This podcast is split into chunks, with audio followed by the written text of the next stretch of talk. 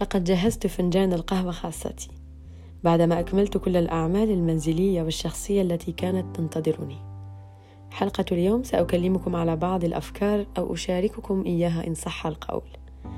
لن تكون لها صلة مع بعضها ولكن أنا متأكدة أنها ستفيدكم. على كل حال مرحبا. أتمنى أن تكونوا بخير.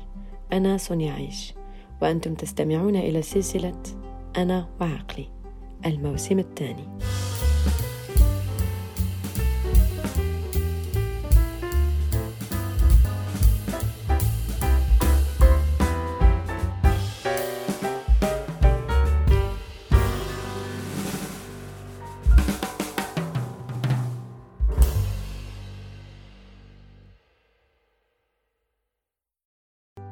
يوجد العديد من المنشورات أو الخواطر التي سبق نشرتها على الإنستغرام خاصتي ولطالما أردت التكلم عنها بعمق صوتيا وليس كتابيا فقط سأذكر بعضها اليوم مرة كتبت سئل رجل بسيط عن حاله فأجاب في زحام من النعم مم.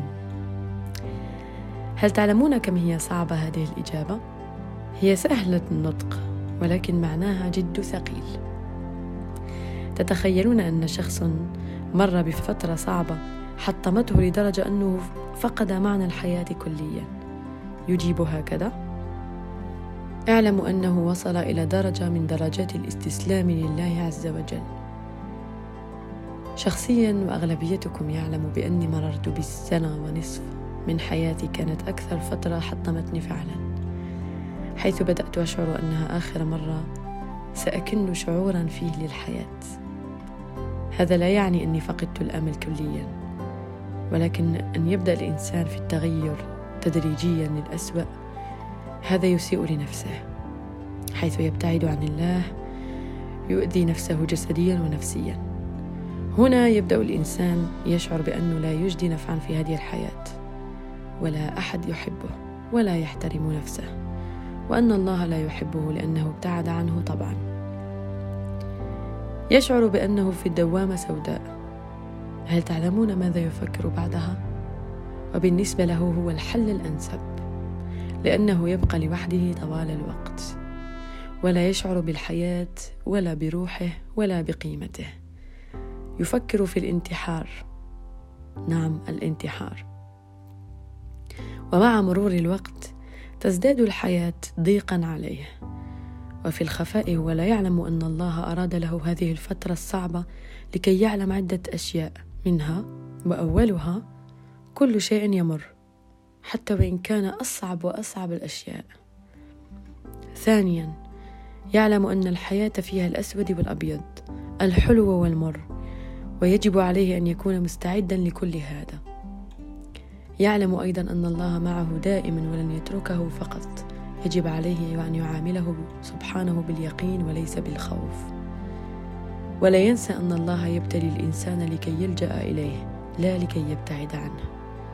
أيضا يعلم في الحياة لا شيء ولا شخص له ضمان غير نفسه والله سبحانه وتعالى. ليس سهلا أن ينجو إنسان من حالة كان يفكر في الانتحار فيها. ولكن المعجزات تحدث فقط مع الله كي نعلم بوجوده معنا.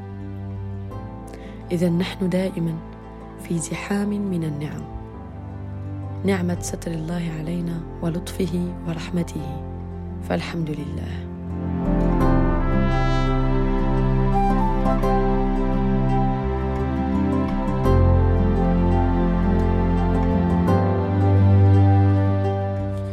مرة كتبت التضحية الوحيدة التي يلزم على الإنسان القيام بها هي التضحية بمكان راحته لأجل نجاحه وسعادته.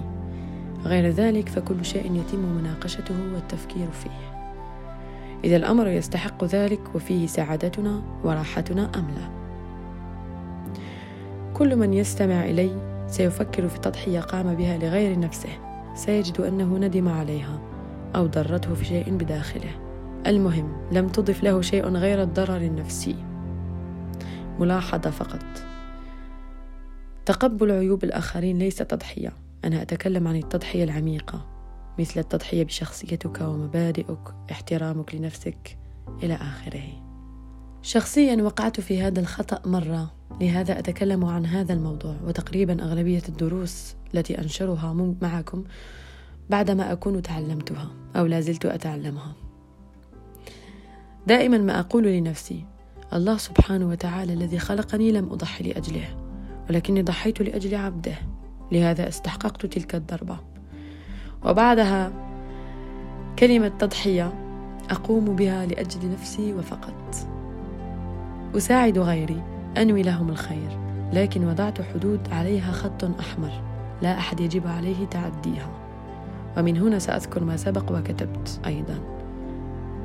اجعلوا الاحترام أقوى من مشاعركم كلها. عندما تحترمون أنفسكم لا إراديا ستقدرونها وتختارون لها الأفضل فقط.